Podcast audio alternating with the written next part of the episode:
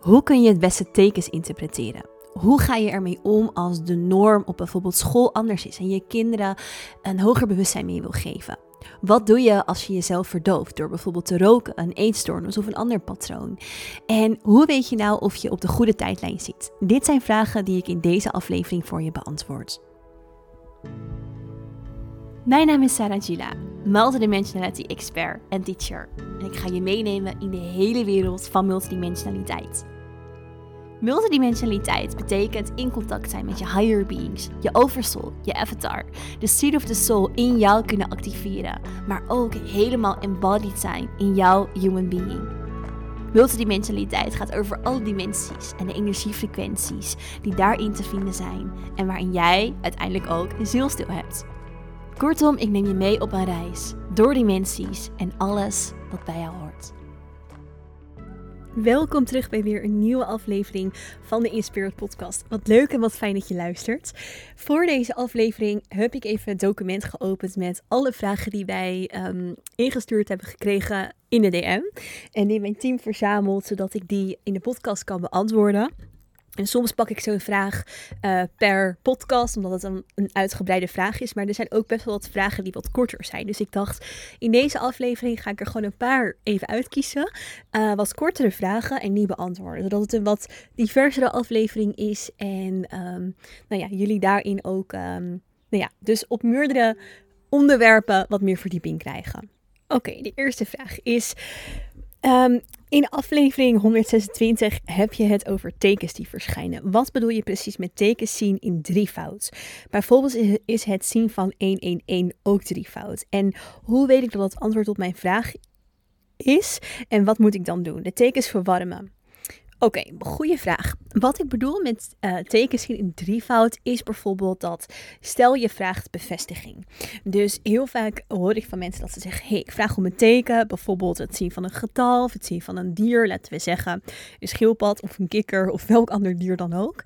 Um, en dat ze dan als ze dat dier zien, ofwel teken uh, of een kleur of wat het dan ook is wat je kan uh, ja, vragen eigenlijk hè, om een teken. Dat ze dan alsnog zoiets hebben, ja, is het niet toeval? Is het wel echt dat ik dit, um, ja, dat, dat, dat dit teken voor mij bedoeld is?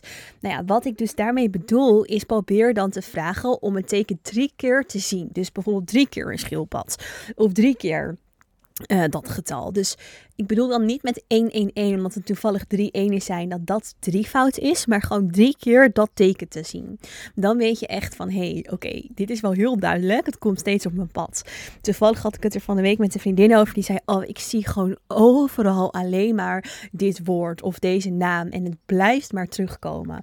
En dat kan bijvoorbeeld zijn op je Instagram feed of als je op straat loopt of noem het maar op. Kijk, dan weet je, hey, dit zit zo in mijn aandacht, dit zit zo in mijn energieveld. Um, ja, wellicht moet ik hier iets mee. Wellicht is dit iets wat echt ja, zo in mijn aandachtsveld zit, dat dit teken um, ja, mij echt iets wil brengen.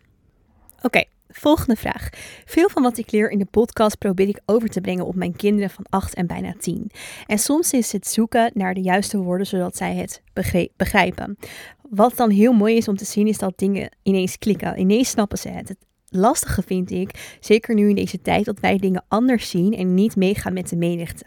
Terwijl dat wel de norm is, vooral op school. Heb je buiten vertrouwen houden misschien tips hoe hiermee om te gaan? Nou, hele mooie vraag. En ik kan me ook heel erg voorstellen dat dat voor heel veel ouders een uitdaging is. En ook iets wat ja, ik heel vaak hoor. Uh, waar ik ook natuurlijk een eerdere podcast over heb opgenomen. Hè, over kinderen van deze tijd en het schoolsysteem. En nou ja, vertrouwen houden is daarin zeker al een hele belangrijke en een super waardevolle. Wat daarbij belangrijk is om te kijken op de verschillende tijdlijnen. Dus enerzijds is er de tijdlijn waar jij en waar jullie je op bewegen. Oftewel, dit zijn jouw keuzes, dit zijn jouw waarden, dit is de frequentie waarop je staat. En dan tegelijkertijd eigenlijk te zien de tijdlijn van school.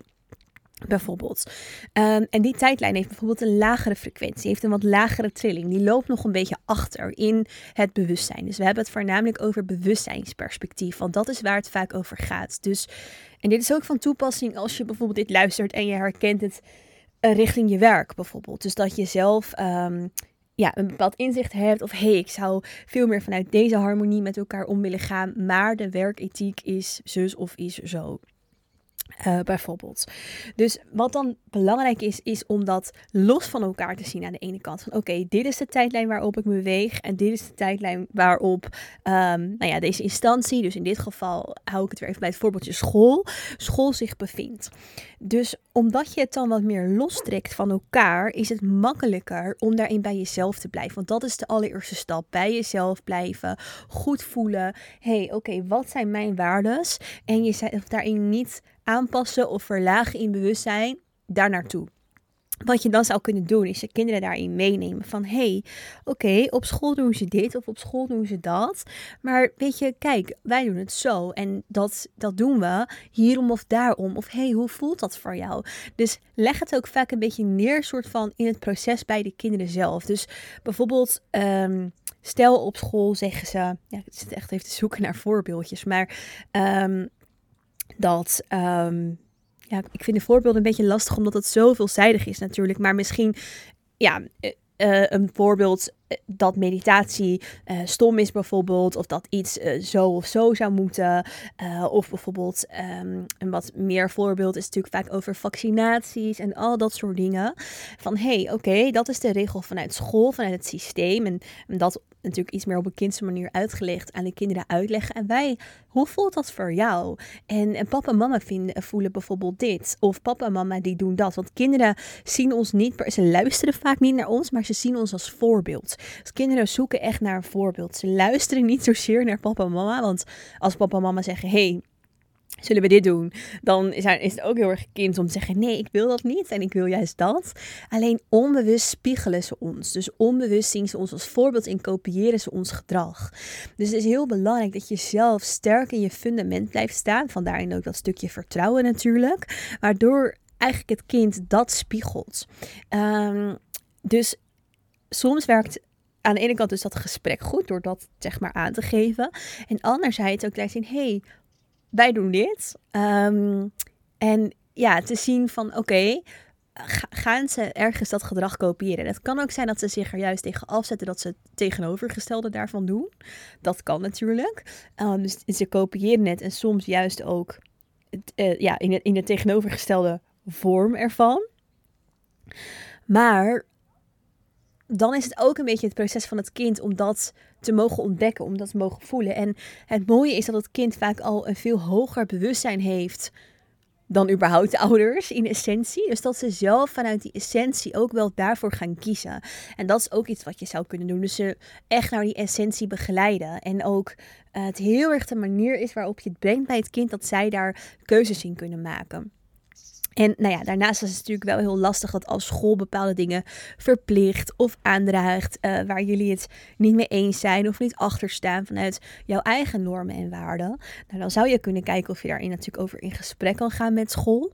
En anderzijds dan ook heel erg vertrouwen houden dat het systeem echt aan het shiften is. Want dat, dat gebeurt, loopt achter, maar er zijn zoveel dingen aan het shiften. Dus ook kijken, oké, op welke gebieden kan ik in dat hogere bewustzijn blijven? Op welke gebieden kan ik die hogere waarden vasthouden? Um, en op welke andere gebieden ja, is het dan toch dat ik er even in mee mag bewegen, maar vanuit een hoger bewustzijn?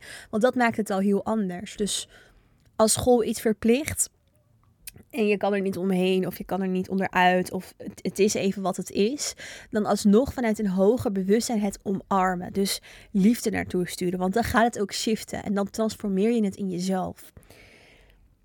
Wat heel belangrijk is om te onthouden, is dat wij wezens zijn waarin we alles kunnen transformeren. Dus ook ehm, als er iets in ons systeem is wat van een lagere frequentie is, dan hebben wij altijd de kracht om dat veel meer in het licht te zetten. Om dat licht te verhogen en om in die frequentie te blijven. Dus ook al voelt iets misschien vanuit een lagere frequentie, of merk je dat daarin dingen aan het shiften zijn, of wat dan ook, blijf in jouw hoge frequentie en neem de andere frequenties daarin mee. Dat is wat je kan doen en dat is echt een hele belangrijke. Dus blijf in je eigen licht. Um, ja, ik hoop dat dit wat extra tips zijn. En ik weet dat dit echt een lastig onderwerp is waarin ja, het heel erg zoeken is en waarin ook niet een algemeen echt advies in te geven valt. Het is natuurlijk bij iedereen weer anders. En bij de een is het deze struggle met school en bij de ander die. Ook afhankelijk van je kindjes en noem het maar op. Um, maar blijf, blijf bij jezelf. En blijf het vanuit een hoger bewustzijn omarmen. In plaats van dat er wrijving ontstaat. Of dat je het probeert te verzetten. Of, of heftiger tegen in te gaan. Want dan, dan ga je juist uit je eigen trilling en frequentie. Dus um, ja, probeer het echt onder te dompelen in een soort frequentie van liefde. Want dat, um, dat helpt en dat is echt belangrijk. Oké, volgende vraag.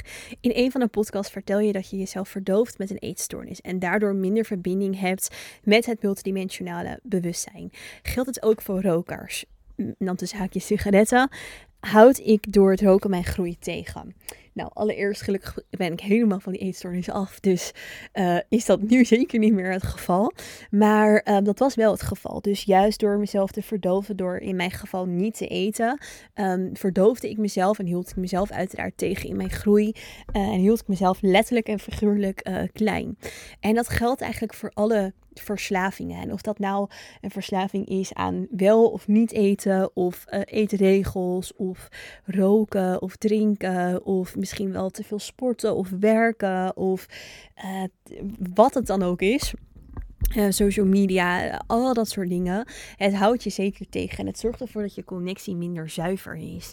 En ergens is elke uh, verslaving, om het zo maar te zeggen, of elk destructief patroon, altijd een soort afleiding van wie jij werkelijk bent. En wie jij werkelijk bent, vind je in jouw connectie, vind je in jouw multidimensionale zijn, in de verbinding die je daarin met jezelf hebt en die je belichaamt. Dus als jij in jouw belichaming een ander patroon hebt, of dat dus een verslaving is, of, of ander destructief patroon. Uh, het zorgt ervoor dat je niet in de meeste essentie van jouzelf kan zijn. En dat daarmee je frequentie verlaagt, waardoor je dus ook minder um, ja, jouw multidimensionaal bewustzijn op kan merken. Want het gaat hier ook heel erg over frequentieverlaging. Dus zeker ook met roken of met drinken of uh, nou ja, al die andere dingen. Het, het verlaagt je frequentie. En juist om in een hoger bewustzijn te zijn en om contact te maken met jouw multidimensionale zelf, is het heel erg belangrijk dat je je connectie verhoogt. Daarom hebben we het ook vaak over een schoon kanaal of een zuiver kanaal zijn. Um, dus de energie zo zuiver mogelijk door laten stromen. En dat is ook het stukje goed zorgen voor jouw uh, fysieke zijn. Want jouw fysieke zijn is een onderdeel van jouw kanaal. Het is een stukje van jouw verbinding. Dus jouw fysieke zijn is, is jouw omhulsel. Het is ja, je, het thuis van dit deeltje van je ziel, wat hier geïncarneerd is. En ook dat wil je schoon en zuiver houden. Dus alles wat daarin in een lagere frequentie binnenkomt, van roken tot slecht eten tot noem maar op, verlaagt je frequentie en zorgt er dus voor dat je inderdaad veel minder goed kan intappen op um, ja, multidimensionaal bewustzijn. Daarbij zie ik ook altijd in de energie als mensen roken dat de frequentie gewoon letterlijk lager is in het auraveld. In de verbinding met hun etherisch dubbel. Dat is een deel van jouw energie. Uh, en dat, dat dat letterlijk gewoon echt je frequentie uh, eigenlijk. En ook ja, jouw energetische systeem. En daar komt natuurlijk ook je groei vandaan. Dus um, ja, dat geldt zeker ook voor roken, maar ook voor alle andere dingen. En daarin dus ook altijd belangrijk om te kijken van... hé, hey, oké, wat zijn voor mij die destructieve patronen? En ook, uh, of, of verslavingen. En hoe kan ik dit doorbreken? Hoe kan ik hier um, vanaf komen, als het ware. Als in, waar staat het ook voor? Dus voor mij, de eetstoornis stond heel erg voor een stuk het leven niet kunnen aangaan, het leven niet willen leven, niet mezelf kunnen zijn, onder andere. Um, en daar moest ik dan aan werken. Dus het gaat vaak helemaal niet per se over het eten, over het wel of niet eten. Het gaat over um, dat waar eigenlijk die laagjes dus overheen liggen. De laagjes van afleiding of de gedachten die dan spelen, de destructieve, negatieve gedachten. Wat, wat overschaduwen die? Wat over, ja, overbloemen die als het ware? Um, belangrijk om daarnaar te kijken om het te doorbreken, zodat je verder komt in jouw groei en daarin ook um, in jouw frequentie. Oké, volgende vraag. Ik ben benieuwd hoe jij de beleving van verschillende tijdlijnen ziet. Concreet vroeg ik me af of een persoon op een verkeerde of iemand anders zijn of haar tijdlijn kan zitten. En wanneer weet je of je werkelijk op de juiste tijdlijn zit?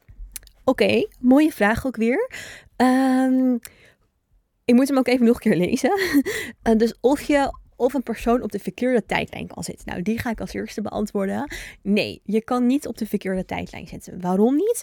Omdat voor het universum er geen goed en er geen fout is. Dus alles is een experience, alles is een ervaring. En dat betekent ook dat ja, goed of, of fout eigenlijk veel meer connected is met het human being um, dan met uh, het universum. Dus als we het vanuit multidimensionaal perspectief kunnen bekijken, dan zegt eigenlijk de energie: er is geen goed, er is geen fout.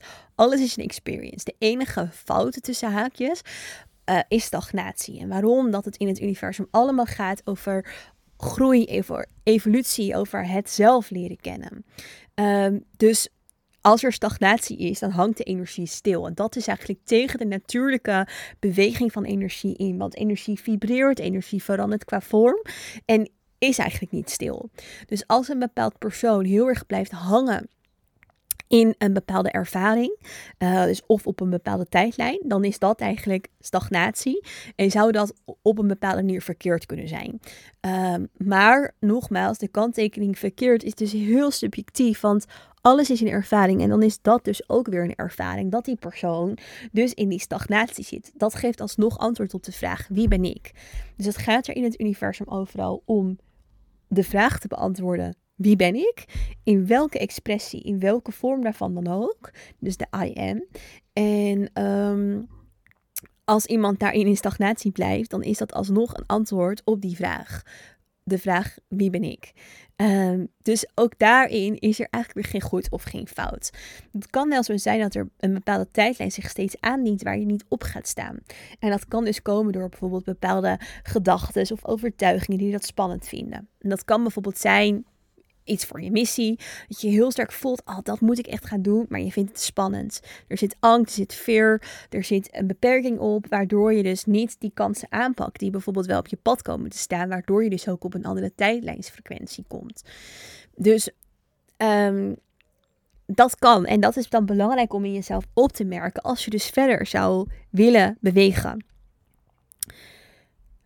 Dan de vraag, um, kan je op iemands anders zijn of haar tijdlijn zitten. Nee, want tijdlijnen zijn van jou. Tijdlijnen zijn connected aan jou, zijn connected aan jouw leven. Dus een tijdlijn is een moment van het hier en nu. En er is altijd een moment van het hier en nu. En dat hier en nu heeft allerlei opties als het ware. En allerlei versies. Het is een hologram.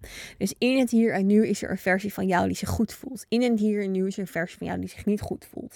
En er is een bepaalde verankering in zo'n tijdlijn. En dat maakt jouw realiteit die je op dit moment waarneemt. Dus de verankering van jou in de versie die zich goed voelt. Eh, als je dit nu luistert, bijvoorbeeld de podcast.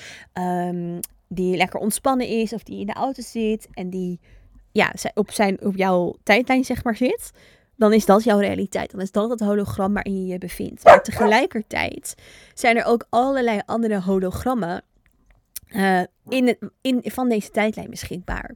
En dus ook van allerlei andere tijdlijnen. Dus dat noemen we ook bijvoorbeeld wel de vorige levens.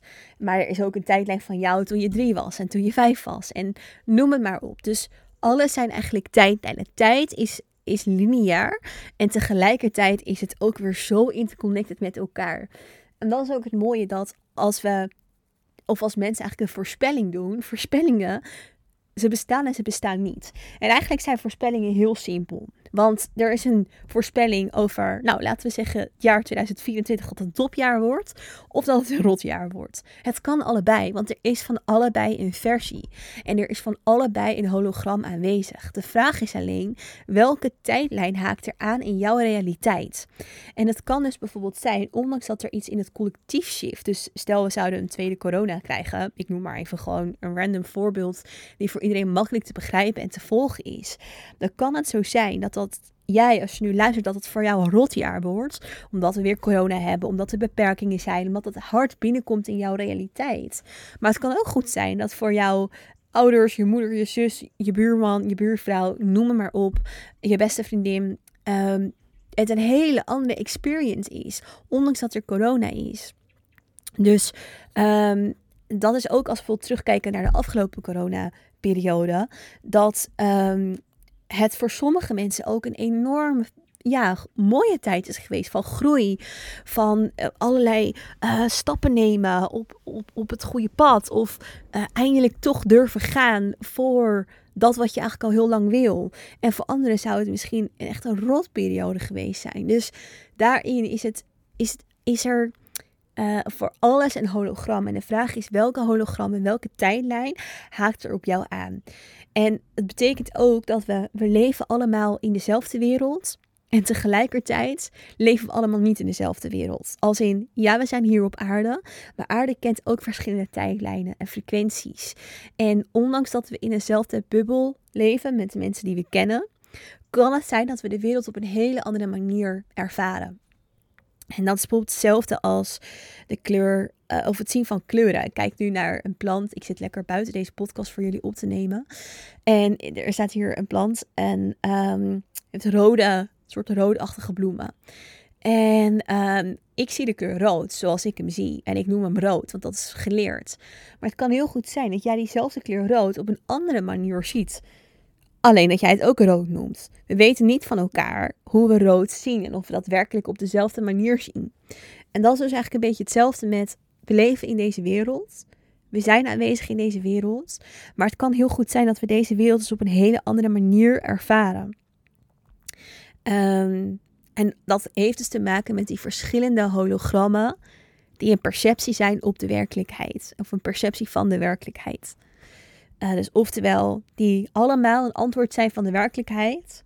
Het is allemaal nu, het is allemaal werkelijk. Alleen we ervaren het anders in ons eigen energiesysteem. En hoe wij dat registreren en hoe wij dat opmerken. En daardoor kan je ook, dus door jouw frequentie te verhogen, dus door te werken met energie, dus door te werken met jouw multidimensionale zelf, dus je multidimensionaal bewustzijn, als het ware sturing leren geven aan de hologrammen waarin jij terechtkomt. En dus ook hoe jij de wereld en het leven ervaart. Het laatste stukje van de vraag is: en wanneer weet je of je werkelijk op de juiste tijdlijn zit? Er is altijd een soort destiny timeline, een tijdlijn waar jij naartoe mag bewegen, wat voor jou echt um, ja, de tijdlijn is die, waarin jij in je hoogste potentie zit. En daar zijn we eigenlijk nooit op een bepaalde manier. Want er is altijd iets van een hologram. Altijd iets van een tijdlijn waarin we nog weer meer mogen ja, onszelf uitnodigen, zeg maar. Waarin we nog weer meer kunnen leren. Want het bewustzijn leren stopt nooit. Zelfs niet een verlicht lichtwezen, uh, Boeddha, Jezus, noem maar op. Ook zij leerden nog in de werkelijkheid. En in de realiteit waarin ze waren. Dus maar hoe je weet of je op de goede tijdlijn zit, is door te kijken: hey, dient er zich steeds iets aan? Dus bijvoorbeeld een kans of een uitnodiging, een verzoek waarin je iets zou shiften in jouw werkelijkheid. Dus bijvoorbeeld een nieuwe baan, of eindelijk die missie gaan leven, of um, noem het maar op, uh, die relatie aangaan, of misschien juist verbreken. Uh, als, en, en vermijd je het. Dus als er een stukje vermijding ergens zit, dan betekent het dat je je eigenlijk heel bewust van iets bent. Maar dat je bewust kiest, ik doe dit niet, dan zit je niet op de verkeerde tijdlijn. Want nogmaals, er is dus geen verkeerd. Alleen dan zit je niet op de tijdlijn voor jou vanuit een hoge, die een hogere frequentie kan hebben. En hou je jezelf eigenlijk klein. En zit je dus een beetje in die stagnatie. En nogmaals, dat is niet verkeerd, want dat is ook weer een antwoord op de vraag: wie ben ik? Dan ben jij de versie van jou die in stagnatie zit dan ben jij de versie van jou die in vermijding zit. En dat is ook een expressie van de I am. Dat is ook een expressie van de divine, van wie jij kan zijn. Um, maar het is niet de hogere tijdlijn die zich aandient voor jou. En dat is een hele bewuste keuze van jou om daar op te gaan staan. Want slachtoffergedrag, dat werkt hierin niet. En daar kan het universum niks mee. Dus Weet je, dat is ook soms dat we kijken naar mensen die het leven heel goed voor elkaar hebben. Um, nou, bijvoorbeeld, ik zit nu hier in het zonnetje op Ibiza. Het is januari, nu ik dit opneem. En ik weet dat het in Nederland heel slecht weer is. En ik voel me zo blessed dat ik dit op kan nemen hier in de zon buiten. Mama ligt naast me. En um, dat ik hier mag wonen op deze plek.